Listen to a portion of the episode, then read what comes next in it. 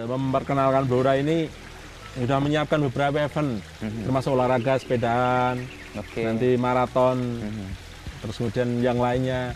Biar orang itu mengenal Blora dulu. Oh Blora ini ternyata bayangan Mas Hinu dulu sebelum ke sini paling, wah Blora ini apa sih? Datang ke sini, oh ternyata kulinernya enak. Oh Oke. ternyata rute ya, nah, mengasihkan. oh kotanya asik juga sih. Harus dipromokan mas, harus di, dibuat sesuatu yang lain biar biar orang mau ke sini itu seperti apa lah. Ini memang saya harus dibantu untuk mengcreate ini, membantu ini, menghadirkan sesuatu yang belum ada menjadi ada. Oke. Bersama saya Wisnu Nugroho, inilah Beginu. Bukan begini, bukan begitu.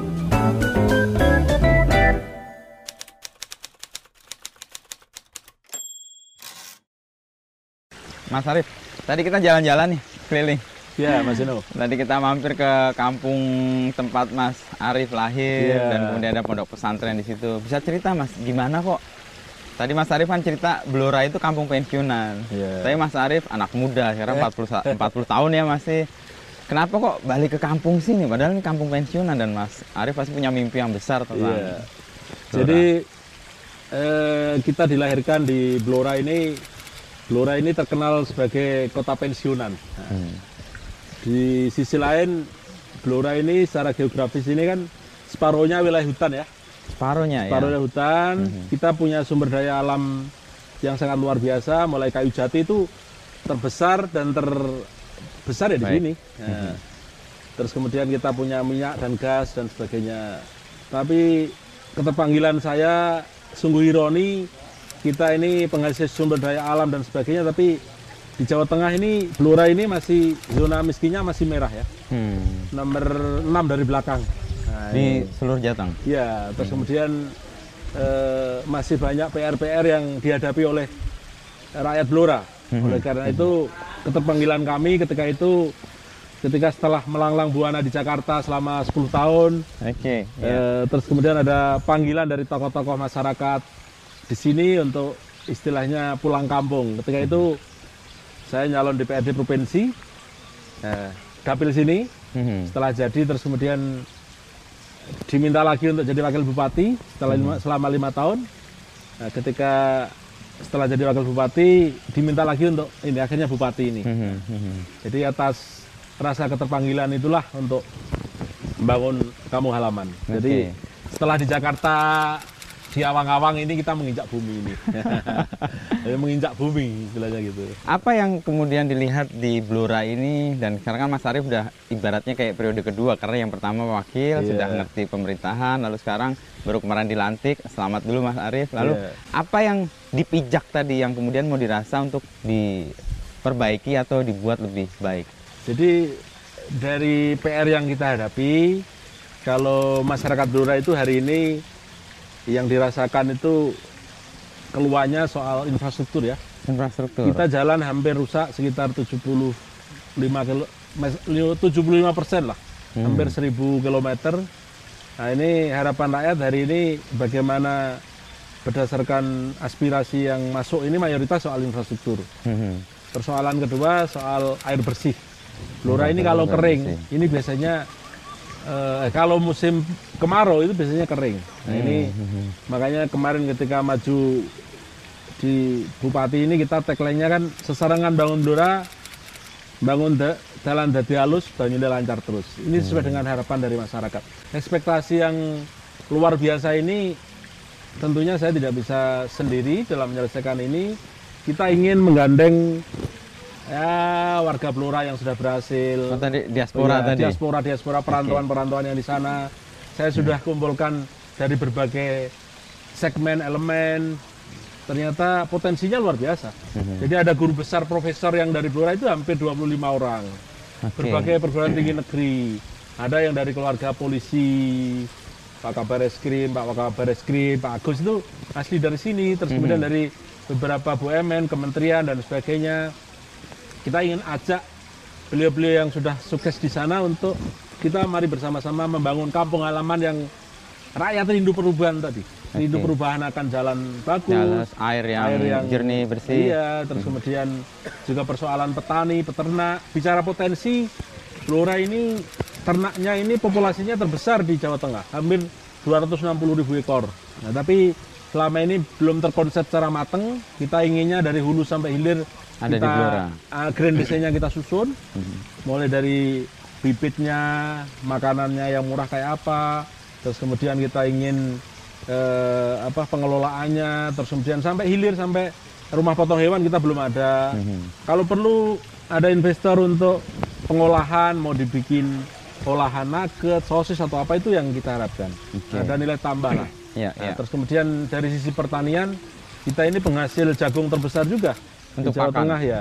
Luasan kita hampir 80 ribu hektar.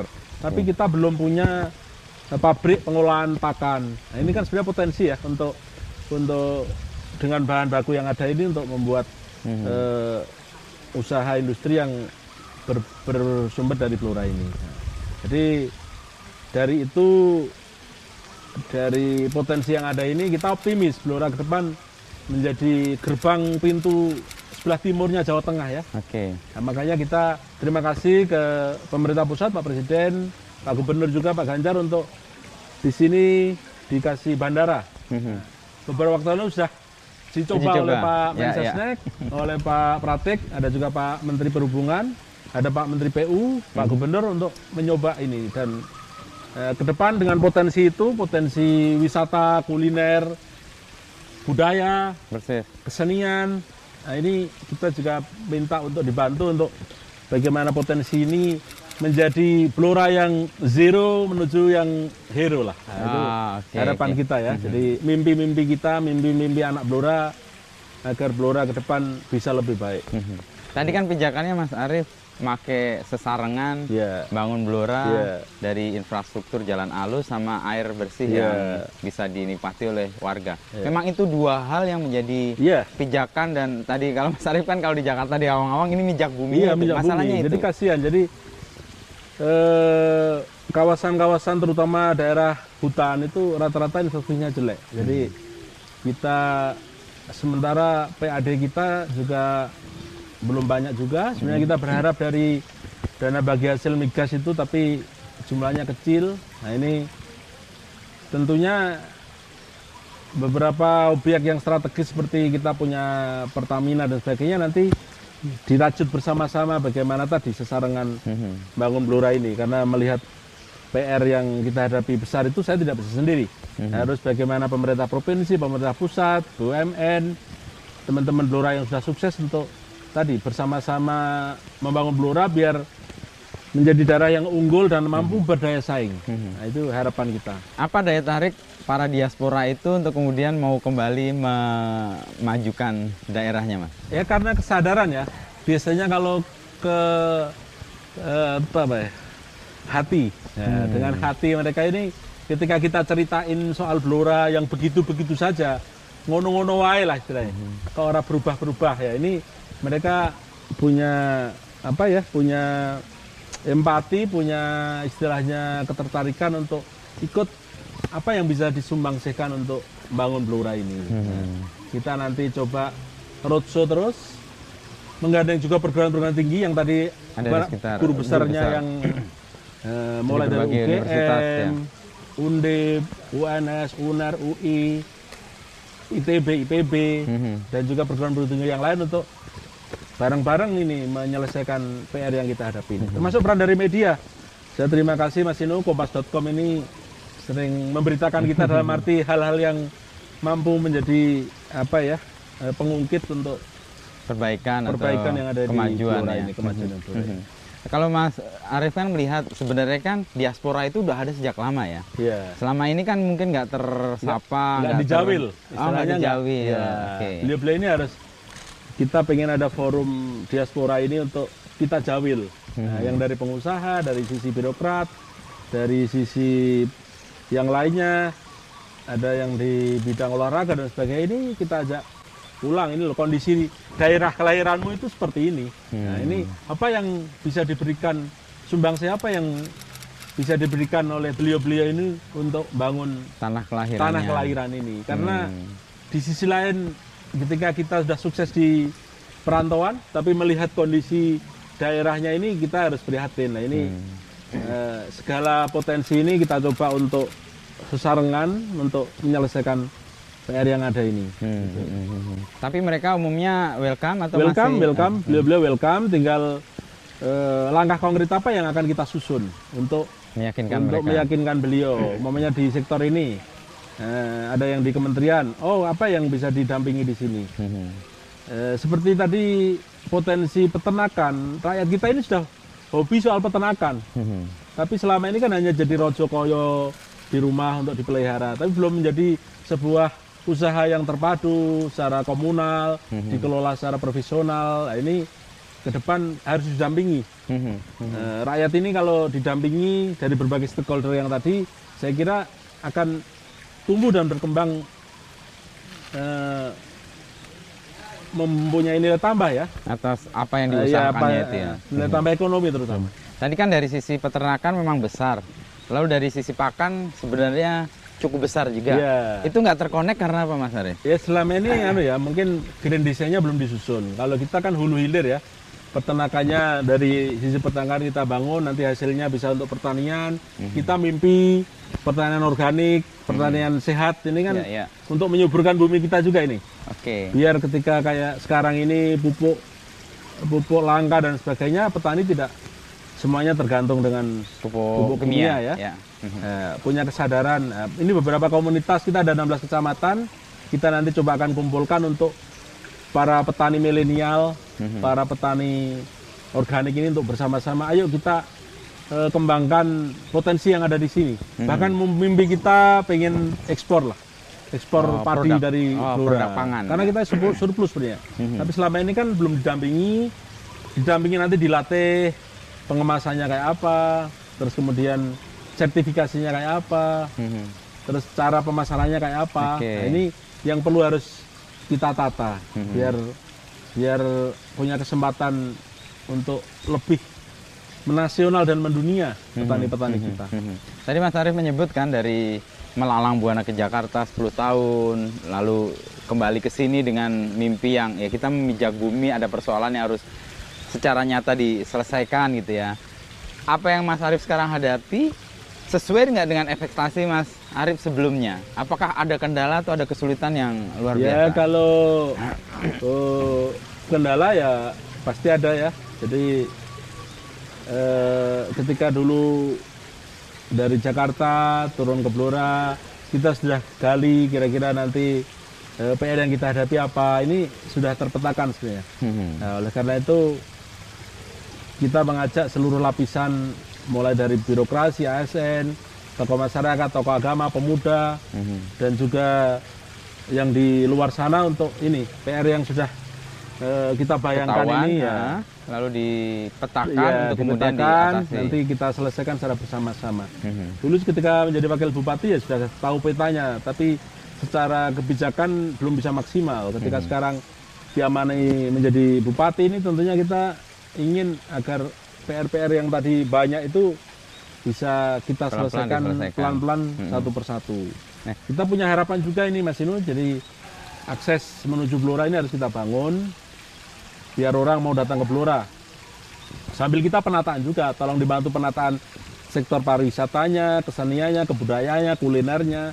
Biar ketika orang datang ke sini, ngapain sih aku ke Blora kalau tidak ada sesuatu yang menarik, Oke, Nah, ya. mungkin sesuatu yang khas. Mhm. Makanya kita perlu didampingi itu. Mhm. Oh ini potensinya. Jadi orang datang ke sini sehari ngapain aja, mau kuliner ke mana, mau berkunjung ke mana. Ya, Ini tadi kan kita ngelihat Ya, beberapa titik ini- di mana kita bisa menikmati kekasan Blora Iya. ya, Mas Arif. peran media untuk kita kerjasama mempromosikan sesuatu yang sebenarnya potensi, tapi selama ini Tidak terdengar, Ah, iya, tidak orang- ketahuan. mana sih Blora itu? Mhm. Daerah mana? Mhm. Ada apa di sana? Nah ini kan perlu untuk digali dan dipromosikan. Oke, Mas Arif tadi kan memetakan masalah nih, dan kemudian tahu bahwa ada ini, ada ini yang harus diselesaikan. Dan Mas Arif kan pasti nggak bisa menyelesaikan sendiri semuanya. Mas Arif saya dengarkan meminta kepala dinas atau kepala desa atau perangkat yang ada di kabupaten ini untuk membuka diri dengan media sosial. Apa maksud dengan semua itu? Ya, jadi gini ya. Selama ini orang ini urusan A sampai Z bupati semua. Nah, jadi istilahnya urusan orang melahirkan sampai orang meninggal ini pasti Komplainnya atau ada bupati, ya. oke. Pak, ini kita nggak bisa bayar rumah sakit, nggak bisa bayar sekolah, Mhm. nggak bisa begini begini. Pak, pokoknya segala urusan ini kita harus. Nah, ini oleh karena itu begitu awal ini saya membuka ruang kanal untuk rakyat ini bisa berkomunikasi. Mhm. Kita punya kepala dinas, kita punya camat, kita punya kades, punya lurah untuk ayo ikut membantu karena secara teknis kan tidak mungkin bupati ini bisa Handle semua. Mhm. Eh, handle semua. Nah, Ini kita buka keterbukaan informasi bahwa ASN birokrasi sebagai pelayan masyarakat. Oke. Kita harus melayani, melayani rakyat, melayani masyarakat. Rakyat dan masyarakat harus ditemani Mhm. dengan segala persoalannya. Problem makanya kita ada program 99 hari ini, ada Mhm. beberapa program yang kita prioritaskan untuk kita segera launching selesaikan. Hmm. Seperti mall pelayanan publik. Selama Oke, ini keluhan yang tadi orang sebut, ya. eh, mau ngurus gini-gini susah. Mhm. Ini harus kita satukan jadi satu. 99 hari itu Sebenarnya harus hari ini harus terwujud. Bagaimana eh, investor mau datang ketika dipersulit harus dari dinas ini nanti ke kantor sana, kantor sana ini kan eh, nggak menarik. Mhm, ya. Karena ini investor istilahnya orang-orang yang mau ke sini adalah raja harus kita siapin. Oh ini loh. Oke. Sekian ratus perizinan jadi satu tempat. Oke. Terus kemudian pelayanan di bidang kesehatan, terus kemudian di bidang yang lain ini seperti tadi pengaduan dan sebagainya, kita nanti ada sistem sistem layanan rujukan terpadu. Nah, Layanan ketika ada terpadu. ketika ada kayak di Trenggalek ya, itu ada, iya, iya, ada ada gertak dan sebagainya itu kita belajar di sana. Oh, Bagaimana eh, mengatasi persoalan masyarakat ini. Oh ini langsung ada SOP-nya jelas diselesaikan saat itu juga, Mhm. koordinasinya juga Dan jelas. bisa diukur hasil Di- iya. penyelesaiannya ya. Kalau Mas Arief kan tadi mengubah sebuah paradigma atau perilaku lama kan pejabat yang tadinya mungkin tertutup, Iya. lalu menjadi terbuka di media sosial. Susah nggak? Ada resiko nggak itu Mas Arief? Ya, pertama-tama sih eh, beliau-beliaunya kan mungkin nggak terbiasa begitu ya. Tapi kan Iya. kita yakinkan bahwa kita ini ketika diamani menjadi pemimpin ini tentunya kan harus kita ini manusia terpilih lah. Hmm. Dari satu kabupaten Blora 900 ribu, Ribu orang, orang. ini yang berkesempatan untuk menjadi kepala dinas berapa orang sih? Mhm. Menjadi camat berapa orang sih? Menjadi bupati hanya satu orang, wakil bupati satu orang. Oh, kesadaran itu dibangun Ya, kesadaran dulu. dibangun bahwa Anda hadir ini untuk melayani masyarakat. Di- Anda dipilih, Anda ditunjuk dalam jabatan ini dalam Untuk rangka masyarakat. untuk melayani masyarakat. Karena ya kita esensi kita ini kan ketika memang diamanah ini bagaimana menjadi pelayan Mhm. rakyat, pelayan masyarakat. Mhm. Jadi ketika memang ingin tanda kutip ingin meneruskan itu ya harus mau melayani masyarakat. Mhm. Jadi paradigmanya kita ubah dan kesadarannya kita ubah dan ya alhamdulillah penyesuaian Pelan-pelan akhirnya terjadi ya. eh, Kita buka, Pak ini loh Pak ada problem ini nih. Yang penting masyarakat itu ditanggapi. Ditanggapi. Walaupun tidak bisa diselesaikan hari ini, saat Mhm. itu juga yang penting oh ini dijelaskan. Oh Oke. ternyata persoalannya ini. Mhm. Ketika persoalan jalan rusak, Mhm. kan tidak semuanya itu beban kabupaten. Ada Ya. itu jalan nasional, ada jalan provinsi, ada Oke. jalan desa. Ya, yang penting mereka diterangkan. Pak ini jalannya rusak. Lah ini kan ini kan nggak kewenangan kita. Kalau kita yang nangani nanti malah menyalahi aturan gitu kan. Oke. Seperti itu. Jadi ada komunikasi ke publik kepada masyarakat tentang apa yang mereka keluhkan sehingga mereka pun paham, Paham. dan menjadikan persoalan menjadi persoalan bersama Iya, juga yang diselesaikan betul. ya. Itu manfaat lain apa Mas Arief ketika itu dibuka ke publik dengan media sosial tadi? Mas Arief kan Ya, bilang kayak kontrol gitu. selama ini tertuju ke bupati agak berkurang sekarang. Bupati bisa mengerjakan hal yang Iya, lain lebih ya strategis. strategis. Mhm. Yang istilahnya kita butuh eh, seperti tadi infrastruktur kita butuh untuk lobby ke pemerintah pusat, Ah, provinsi itu dan tugas-tugas sebagainya. strategis bupati. Kita ya. perlu untuk bagaimana potensi pendapatan daerah, coba kita tata. Termasuk perjuangan kita, kita ini pengen memperjuangkan dana bagi hasil. Mhm.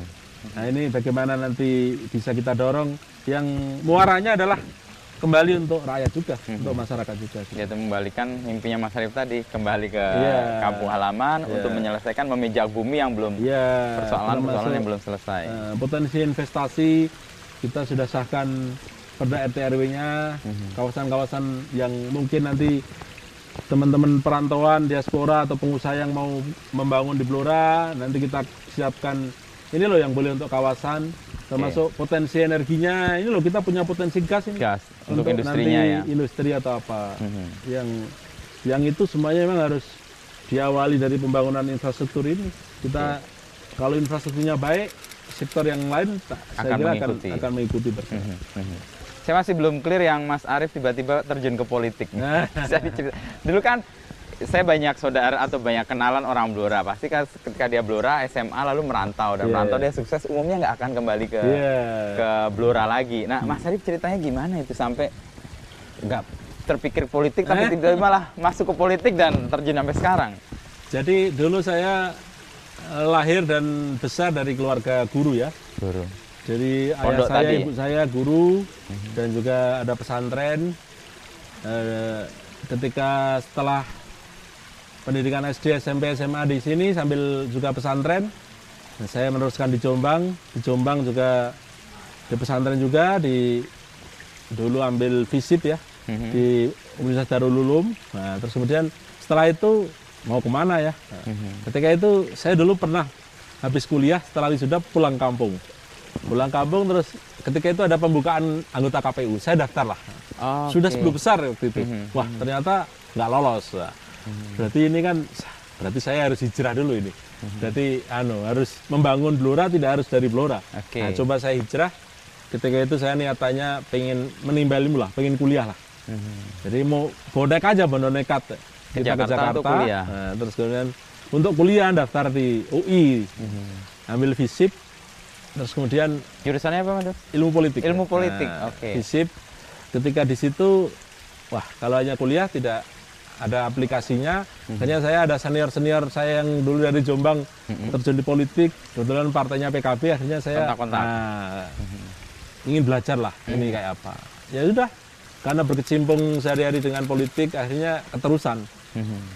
Ketika di staf ahli di DPR, habis itu di Kementerian staf khusus menteri, kebetulan ikut senior saya Mas Hilmi Faisal, sekarang sekjen PBNU itu. Mhm. Nah di sana belajar soal daerah tertinggal.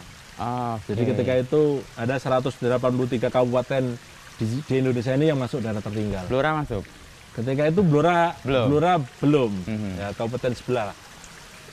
Dari situ kita, oh bagaimana sih mengatasi agar daerah yang tertinggal ini terentaskan menuju tidak tertinggal. Ada beberapa indikator macam-macamnya. Nah, ketika melihat kamu halaman saya, terpanggillah setelah konsultasi dengan senior-senior, ya udah, cobalah pulang untuk kampung halaman. Mhm. Jadi rasa ketika untuk daerah lain aja bisa kita lakukan untuk kampung halaman masa enggak kan gitu kan Oke. sehingga pulang kampung ini jadi rasa panggilan itu ada karena tadi melihat realitas kondisi Blora yang memang harus ada sentuhan Mhm. harus ada apa eh, dari berbagai pihak ini untuk bareng-bareng ya.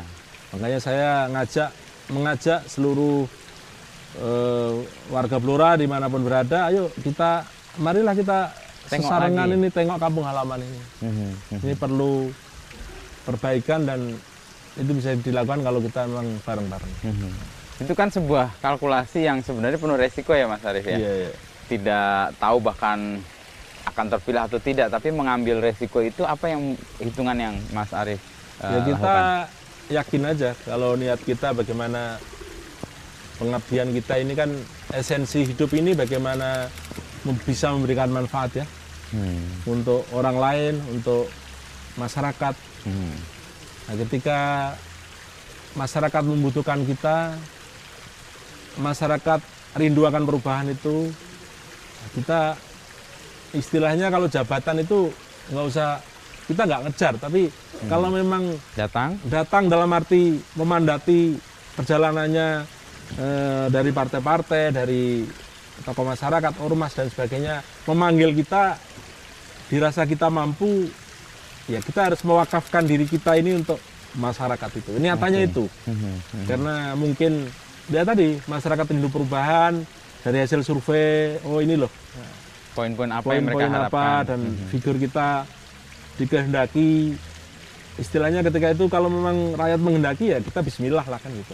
Mhm. Nah, tapi kalau ketika itu surveinya mungkin rakyat tidak menghendaki ya kita nggak. Oke, artinya basisnya sebenarnya ilmiah juga ya, Ilmiah. Mas Arief, Kita- karena belajar Iya, politik juga, politik. pakai pijakan survei, Survei. lalu memastikan, artinya meminimalisir resiko dengan menggunakan beberapa indikator Iya. tadi ya. Jadi kita ukur eh, problem yang kita akan hadapi apa dan kita mengukur ketika nanti memang termasuk partai pendukung ya PDIP, PKB, ada PKS, ada Perindo, ada PAN. Ini kita ajak ini loh problem kita. Ayo kalau memang kita sepakat ayo kita lakukan perubahan ini dan ketika kita kemenangannya hampir 60% ini kan berarti rakyat Modal dasarnya modal besar. dasar bahwa rakyat ini yang ingin berubah ini hampir 60% rakyat Gelora. Mhm. Nah, makanya amanah yang istilahnya diberikan ini harus kita bersama-sama menyelesaikannya. Mas Arief kan salah satu kepala daerah yang hitungannya masih muda ya. Ya di beberapa daerah sekarang juga muncul anak-anak muda yang membangun daerahnya, punya pengalaman di luar lalu kemudian datang ke daerahnya. Sebagai orang muda yang terjun ke birokrasi yang umumnya diisi para senior, ada kendala nggak? Atau ada harapan yang di, Ya. di, di apa diharapkan itu bisa melakukan perubahan yang lebih baik? Ya. Jadi memang pilkada kemarin banyak melahirkan pemimpin-pemimpin muda ya. Mhm. Eh, mungkin ini apakah ekspektasi dari masyarakat itu tinggi. Mhm. mencoba ngasih kesempatan kepada yang muda. Coba yang muda ini mampu nggak untuk mewujudkan ini? Ini ini sebuah apa ya sebuah tantangan juga untuk kita. Istilahnya secara psikologis yang kita hadapi senior senior Iya betul pasti. senior senior saya yang sehari-hari dulu ketika dulu saya mungkin junior sekarang tanda kutip menjadi Seniornya mereka lagi. ya enggak anu istilahnya eh, ada yang guru saya dulu sekarang di Pemda jadi tanda kutip Junior lah. junior anak buah saya kan istilah iya, ini persis. tapi kan kita bangun kesadaran bahwa eh, kita tempatkan bahwa ini loh proporsional bahwa saya ini ayo dibantu dalam rangka mewujudkan ekspektasi rakyat ini Mhm, Yang Ini- 60% tadi. iya. Mhm. ini bahwa sini tidak mau saya tapi maunya rakyat untuk berubah makanya untuk PSN birokrasi dan juga seluruh elemen ini kita ajak ayo bareng-bareng mewujudkan impian rakyat tadi Mhm, mhm. walaupun ada kendala secara ini ya akhirnya ya cair aja kita tidak memposisikan senior ini sebagai anak buah kita Iya. tapi sebagai partner kita Mhm. sebagai monggo ini ini ada persoalan begini ayo penyelesaiannya kayak apa kita ru- buka ruang untuk diskusi lah. Nah, secara bareng-bareng untuk mengatasi ini harus seperti apa gitu. Makanya sesarengan itu Iya. kena banget ya. kesarengan Kesetaraan kan itu Iya. berarti apa prinsip dibalik kata itu kan Iya, sesarengan betul. orang di mana pun bagaimanapun. Lalu komunikasi dengan kepala-kepala daerah lain bisa ya kita nyambung muda-muda ada komunikasi ada forum komunikasi antar kepala daerah Eh, terutama Mas Inu untuk anak-anak muda yang dikasih kesempatan untuk memimpin daerah ini kita berharap nanti dari Kompas untuk bisa memediasi atau memberikan warna lah. Mhm, apa yang mestinya kita lakukan. Mhm. diisi dengan konten-konten yang kekinian yang kira-kira ini loh tantangan Indonesia tantangan daerah seperti ini. Nah, kita harus melakukan kebijakan bersama-sama. Mhm. tidak bisa kita sendiri. Kalau bisa komunikasi antar kepala daerah khususnya yang Terjadi. masih muda-muda Ya, ini ya. saya punya potensi apa kamu punya potensi apa ayo kita saling tuker Mhm. Nah, kamu punya inovasi apa bisa diterapkan di sini kamu sudah punya ini udah kamu terapkan aja di sana nah, ini jadi Dikoneksikan membangun ya. daerah tidak bisa sendiri Mhm. satu kabupaten kita sendiri tapi kerjasama minimal dengan perbatasan dengan Ngawi, Bojonegoro atau Tuban atau mana ini kita konekkan jadi sistem apa ya kebersamaan dan juga eh, tadi eh, komunikasi antar daerah bisa kita jalin. Forum itu sebenarnya sudah ada belum mas? forum ada tapi formal dikoordinir Pak Oh, Gubernur tapi satu satu anu. Ada juga forum apkasi tapi kita juga pengen ada forum-forum yang informal, istilahnya ngopi bareng nyantai sambil membahas hal-hal kekinian Mhm. dikasih forum sambil mengupdate apa yang Iya. sukses dilakukan di satu tempat bisa diadaptasi kayak tadi pakai yang dari Trenggalek itu ya lalu Iya. menerapkan di sini begitu juga sebaliknya bertukar Iya, betul. pengetahuan. Oke. Nah, saya kemarin ke Wonogiri belajar dari Wonogiri tentang bagaimana eh, sistem besi gudang, tentang ada petani-petani milenial. Sebenarnya bagus. Nah, ini mau kita adopsi di sini. Adopsi di sini. Jadi kita tidak tidak malu atau tidak segan untuk belajar ke daerah-daerah lain yang memang Berhasil. sudah berhasil. Mhm. Dan itu saya kira layak untuk dikumpulkan lah. Oke. Ya. Satu perubahan yang akan nyata ini kan bandara nih Mas Arif. Ya. Dan bandara ini tadi Mas Arif juga melihat bahwa transportasi itu akan membuka banyak hal. Dan untuk transformasi di bandara itu apa yang akan Mas Arif bayangkan ketika bandara ini beroperasi dan Blora seperti apa? Jadi saya membayangkan eh, dulu mimpinya kayak Banyuwangi ketika awal dulu lah. Ah sih. Jadi Mas Banyuwangi Aswar. itu Anak. senior saya, Mas Aswar Oh, ini iya. sama-sama aktivis NU. Oke. Beliau di IPNU ini senior saya. Saya juga komunikasi dengan beliau. Ayo Mas, tolong juniornya ini diajari dalam tanda kutip Pengelolaan eh, pengelolaan. kabupaten. Jadi ketika Mas Anas dulu itu kalau selamanya Banyuwangi tidak ada akses transfer masuk, orang kan nggak akan datang Iya, ya. iya. Dia akan tersembunyi. Iya, tapi dari Banyuwangi tanda kutip yang dulu dengan before afternya kan Kelihatan kita, banget. nah, kita harapkan juga seperti itu. Mhm. Bagaimana orang mau tertarik datang ke Blora untuk investasi, untuk berkunjung.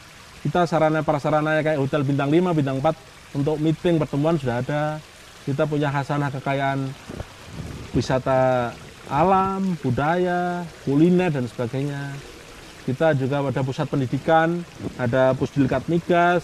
Orang-orang sertifikasi migas itu kecepu semua. Kecepu. Nah, tapi selama ini kan transportasinya Kesulitan ya. kesulitan, ya. termasuk eh, kita punya politeknik energi mi- migas ini ada di Cepu. Mhm.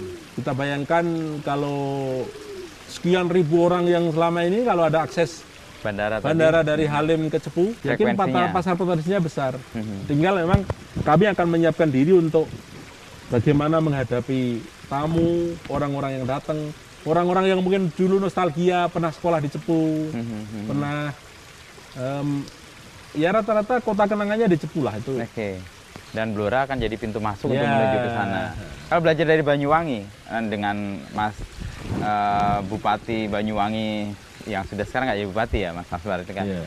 Apa yang Mas Arif sendiri lihat perlu ditata dan disiapkan di Blora? Jadi belajar dari Banyuwangi bahwasanya potensi yang ada ini harus diangkat tadi. Angkat. Jadi kita membangun daerah ini berbekal dari potensi yang kita miliki. Jadi potensi yang ada itu harus diangkat dan perlu pendampingan. Hmm. Jadi kita harus menggunakan pendamping konsultan Nah, seperti merancang sebuah kota dan sebagainya itu Mas Anas dulu kan Pakai banyak konsultan. membawa Oke. Nah ini sedang dilakukan ah, ya, membawa diaspora-diaspora untuk pulang, membawa Oh, ahli-ahli diaspora itu salah satunya dari Iya, Banyuwangi. ahli-ahli. Oke. eh, tata ruang kotanya seperti apa, terus kemudian nanti penataan wisatanya kayak apa dan sebagainya ini kan harus di harus ditata dan kita tidak bisa sendiri. Kita harus mengajak berbagai stakeholder itu untuk menata Blora ini. Jadi potensi yang ada kita rumuskan, baru kita tawarkan. Oh ini potensinya. Eh, apa yang bisa disumbangsikan dari teman-teman yang di sana untuk pembangunan Blora ini? Ini yang tentunya kita harapkan. Termasuk saya guyoni Mas Anas, tolong jadi anu dong konsultan gratis nanti Untuk tapi Blora. iya gajinya kita nggak kuat gaji gajinya pakai serabi sama daun pecel Ah. apa sego pecel Tapi kalau dari posisi yang Banyuwangi kan salah satu yang mereka kuat lakukan kan mengcreate sesuatu ya Mas. Iya. Jadi nggak hanya mengandalkan apa yang sudah ada, tetapi dia menciptakan sesuatu entah festival, Iya, betul. entah kegiatan. Nah di Iya. Blora sendiri kekuatannya Mas Arif termasuk di itu jadi beberapa festival kesenian kita ada barongan kita ada suku samin kita ada kalau di sana osing kita di sini suku samin, Samin. Oke. jadi kita memang bagaimana mengcreate eh, memperkenalkan Blora ini sudah menyiapkan beberapa event termasuk olahraga sepedaan Oke. nanti maraton Mhm. terus kemudian yang lainnya biar orang itu mengenal Blora dulu oh Blora ini ternyata bayangan Mas Hinu dulu sebelum ke sini paling wah Blora ini apa sih ketika ke sini oh ternyata kulinernya enak oh Oke. ternyata rute sepedaannya kotanya ya enak oh kotanya asik juga sih untuk untuk tanda kutip orang Beristirahat, eh, istirahat mendapatkan orang situasi yang Nah, berbeda. itu Oke. kan harus dipromokan mas. Harus di dibuat sesuatu yang lain Mhm. biar biar orang mau ke sini itu Mhm. seperti apa. Lah ini memang saya harus dibantu untuk mengcreate ini membantu ini. Mhm. menghadirkan sesuatu yang belum ada menjadi ada. Oke. yang kayak potensi kayak tadi kita ke rumah Pramudia. Orang nggak orang orang seni sastra orang itu nggak ada yang nggak kenal Pram kan? Tapi kan yang berkunjung ke sini untuk lihat rumah kecilnya Pram itu kayak apa Mhm. terus termasuk yang ada dalam buku-buku Pram itu sebagian kan berbicara soal Blora Ya. nah ini mana sih kali Lucy itu mana nah, Nah, ini kan kalau bisa dibuat Olah, semacam di eh, breakdown ya, sebagai yang di tempat lain nggak ada Mhm. kalau ngomong Pram kan ya memang lahir kecilnya di sini Mhm. terus kemudian karya-karyanya juga Berbicara banyak tentang menyinggung Blora. Mhm. Tapi kan, oh ini ba- bagaimana di- dieksplor menjadi sesuatu eh, yang lain yang Mhm. di tempat lain nggak ada. Ini kan Tadi saya ngomong soal festival literasi misalnya, Iya. tahunan, betul. mengolah lagi kekayaan apa intelektual atau kesusastraan dari Pram untuk Iya. kemudian dinikmati oleh semakin banyak orang. Nah. Tadi dengan koneksi dengan ada wisata yang terkait di buku itu yang Iya. kemudian kita bisa datangi satu-satu. Sudah disiapkan belum Mas Arif ini? Ya kita dorong anak-anak muda kita, terutama yang pengagum Pram ini untuk eh, Meng-create itu. meng-create itulah. Mhm. Tentunya nanti dengan teman-teman media Kompas untuk eh, ayo kita ada ini tuh festival pas lahirnya Pram atau apa Mhm. menulis tentang Pram atau apa. Saya kira itu menarik sih untuk untuk menjadi salah satu ya. Orang selain datangnya. selain potensi yang lain ya, Ya, ya. kita ada wisata alam, ada hutan-hutan yang masih alami yang Luas usianya ratusan tahun itu jumlahnya ribuan pohon masih ada. Hmm. Kita juga ada potensi eh, apa itu eh, kampung Samin itu juga ada. Kita ada potensi sumur-sumur tua yang sumur angguk yang Kemarin adanya di ya. sini kan gitu. oke. Nanti sambil dieksplor lah. Mm-mm. Salah satu kekuatan di wisata ini kan outdoor nih mas, Iya. outdoor activity mungkin juga akan jadi daya tarik tersendiri orang menikmati Blora karena dia masuk ke lingkungan alam yang tadi masih sangat alami, Iya, masih iya. belum terjamah gitu ya, sehingga orang bisa menikmati itu. Iya iya iya. Akses untuk ke sananya ada ada sudah eh, bisa dilalui atau masih Iya kita ada beberapa rute yang kita siapkan akan kita tata ya. Mhm. Kan ad- ada orang yang suka itu malah judul dipertahankan untuk ekstrim kan itu kan. Mhm.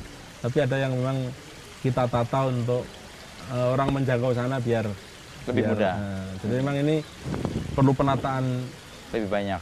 yang banyak mas. Jadi Mhm. potensi yang ini kita gali, sudah kita datangkan konsultan untuk memotret ini. Mhm. Tinggal nanti follow up-nya kayak apa ini kan harus butuh energi dukungan dari berbagai pihak untuk Mhm. Mewujudkan itu. mewujudkan itu. Kira-kira lima tahun selesai mas Arif? Ya kita harus optimis. Optimis. Ya, optimis. ada target-target Iya. pendek, target menengah, target panjang untuk mewujudkan itu. Jadi yang hari ini perlu didorong untuk bagaimana kita dibantu untuk penanganan infrastruktur itu tadi ya dari pemerintah Yang pusat. 1000 km tadi Iya, ya, 75%. bagaimana kalau mengandalkan APBD kita agak berat, makanya kita harus ada terobosan lain dari kementerian, dari pemprov maupun dari CSR atau dari bahkan kita berpikir kalau pola pemerintah sekarang boleh utang ini kan, nah ini kayak apa? Kita Mhm. coba jajaki lah. Oh kemungkinan-kemungkinan Jadi kalau- yang lain ya. Bisa dibangun di awal, dihadirkan di awal, saya kira akan lebih bagus Mhm, mhm, untuk meningkatkan pertumbuhan ekonomi dan yang lainnya. Terakhir mungkin Mas Arif soal tadi kan masyarakat memberikan amanah kepada para pemimpin-pemimpin muda. Itu tentu saja kan bukan tanpa resiko. Iya, iya. dan resiko itu menjadi sangat besar deh dampaknya kalau anak-anak muda itu mengecewakan karena kan orang akan berpikir oh yang muda juga nggak diberi kemampuan tidak mampu mewujudkan harapan itu nah untuk menjaga supaya harapan publik itu bisa mewujud Mas Arief sendiri sebagai kumpulan anak-anak muda yang kemudian dipercaya oleh rakyat apa yang Mas Arief lakukan Jadi kita harus selalu apa ya? Karena masih muda, kita ini diberi kesempatan secara energi, secara Energi. secara waktu. Mhm. Mungkin kerja kita itu tanda kutip bisa 24 jam ya. Persis, ya. Kita sampai jam 12 malam, jam 1, kadang pagi udah anu, Harus itu, mulai aktivitas itu, lagi. Itu anu apa? Kelebihan. Kelebihan yang diberikan secara fisik mungkin ya kita. Karena muda. Nah, Nah, kita memang harus tanda kutip didampingi dan dijaga oleh Yang senior. media, oleh senior. Nah ini loh, seperti ini. Makanya saya dalam konsep memimpin ini bagaimana eh, ide-ide kita ini bisa juga eh, mewadahi senior-senior kita untuk ikut mengawal, mendampingi. Mhm. Kita jaga. Kita minta, aku tolong diiwangi, aku tolong ikut dijaga, aku tolong dikandani. Nah, Itu kan kadang eh, anak muda ini karena terlalu wah kebanteran kadang Energinya meletup-letup Iya. gitu ya. Oke. Terus di sisi lain termasuk kita komunikasi dengan eh, Pak Gubernur dengan pimpinan kepala daerah yang lain untuk saling mengingatkan itu. Mhm. Nah, fungsi kontrol ini, fungsi media ini penting. Makanya saya ngopi bareng dengan media, tak adakan. Ayo, masukanmu apa? Tolong kita kasih. Pak, ini loh Pak. Seharusnya kebijakan yang diambil ketika menghadapi ini nih begini. Saya tidak anti kritik. Saya terbuka untuk Kritik. dikritik dan Karena dikasih itu justru masukan. kayak jadi jagain ya. Iya jagain. Nah ini ini kurang di sini kurang di sini. Ada ada yang mengontrol. Mhm. Jadi kalau pemimpin muda biasanya darah muda terus nggak mau dikritik itu yang salah. Nah, kita Oke. justru harus mau memposisikan kepada yang senior, tolong dong saya dikasih. Ingat. Ingatkan, tolong Dikasih saya rem dibimbing, kalau- Nah, ya, tolong saya dibantu, diwangi. Mhm. Kita harus menjadi orang Jawa yang istilahnya eh, ngewong ke wong bagaimana. Ah, ini saya memang saya kui kurang di sini. Tolong dibantu. Jadi fungsi itu yang fungsi waspada ini yang selalu kita tekankan. Jadi harus lebih hati-hati karena masa depan kita masih banyak eh, masih panjang justru kan harus menjaga itu. men- men- punya punya rem menjaga Iya. itu Tidak hanya untuk Mas Arief sendiri atau orang-orang muda itu, tapi Iya. juga komunitas Iya. anak muda yang kemudian punya peluang Termasuk, untuk masuk eh, situ. Kebetulan wakil bupati juga, wakil bupati saya juga masih muda, yang istilahnya secara tiktokan itu oh begini fungsinya kita berbagi peran lah.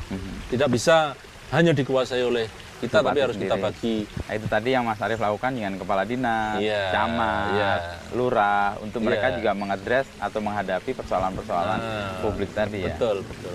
Oke, keluasan itu yang mungkin yang Mas Arief punya juga ya sekarang di media sosial sangat aktif. Sebagai orang muda kan itu menjadi hal yang natural aja kan. Iya. Kayak tadi kita ngobrol sambil tiba-tiba ngevlog, Iya. tiba-tiba cerita tentang serabi dan Iya. sebagainya.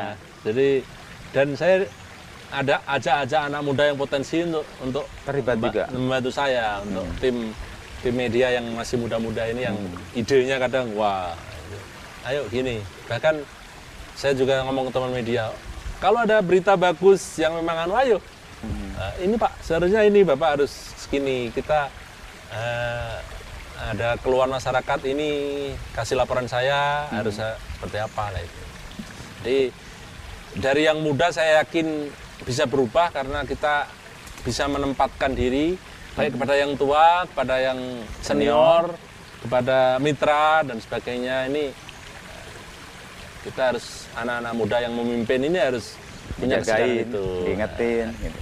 Makanya forum pemimpin muda nanti dirancang oleh Kompas lah. Nah, coba Mudah-mudahan kita ya siapkan. ngopi bareng berapa dulu yang menurut pantauan Kompas ini eh, biasa diajak bekerja sama, sharing kerjasama memberikan masukan, karena itu barengan. butuh.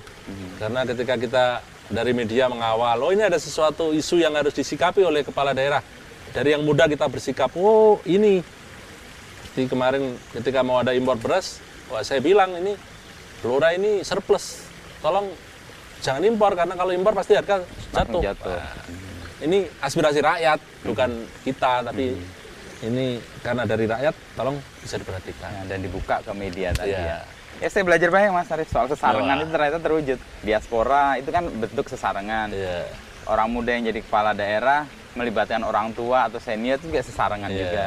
Membuat entitas-entitas lain yang mewujudkan perubahan, media, Iya. eh, konsultan, lalu para peneliti Nah. untuk membuat apa yang direncanakan itu menjadi terwujud juga. Iya. Mudah-mudahan apa yang Mas Arief mimpikan, Iya. apa yang Blora harapkan, yang tadi pijakan yang sekarang mau dihadapi itu mewujud mas. Siap. Yang nyata kan infrastruktur sama air Iya, bersih iya. tadi. Siap. Bandara. tolong terus dibantu ya promosi kita punya potensi kuliner dan sebagainya ini. Kita udah nyoba Iya, dan bisa kita diangkat. rasakan itu nikmat. Nah nanti kita buat menjadi lebih luas supaya orang lihat nengok ke Blora. Oh Iya. ada sesuatu. Betul ini. Ada wisata alam, Hmm. ada wisata sejarah atau literasi dan sebagainya. Siap. Matur suwun Mas Ari. Oke, Mas Indo, terima Sudah kasih. sepedaan, lalu ngobrol kita. Teman-teman Kompas ya sambil ngopi bareng ini. Oke. Tur nuwun.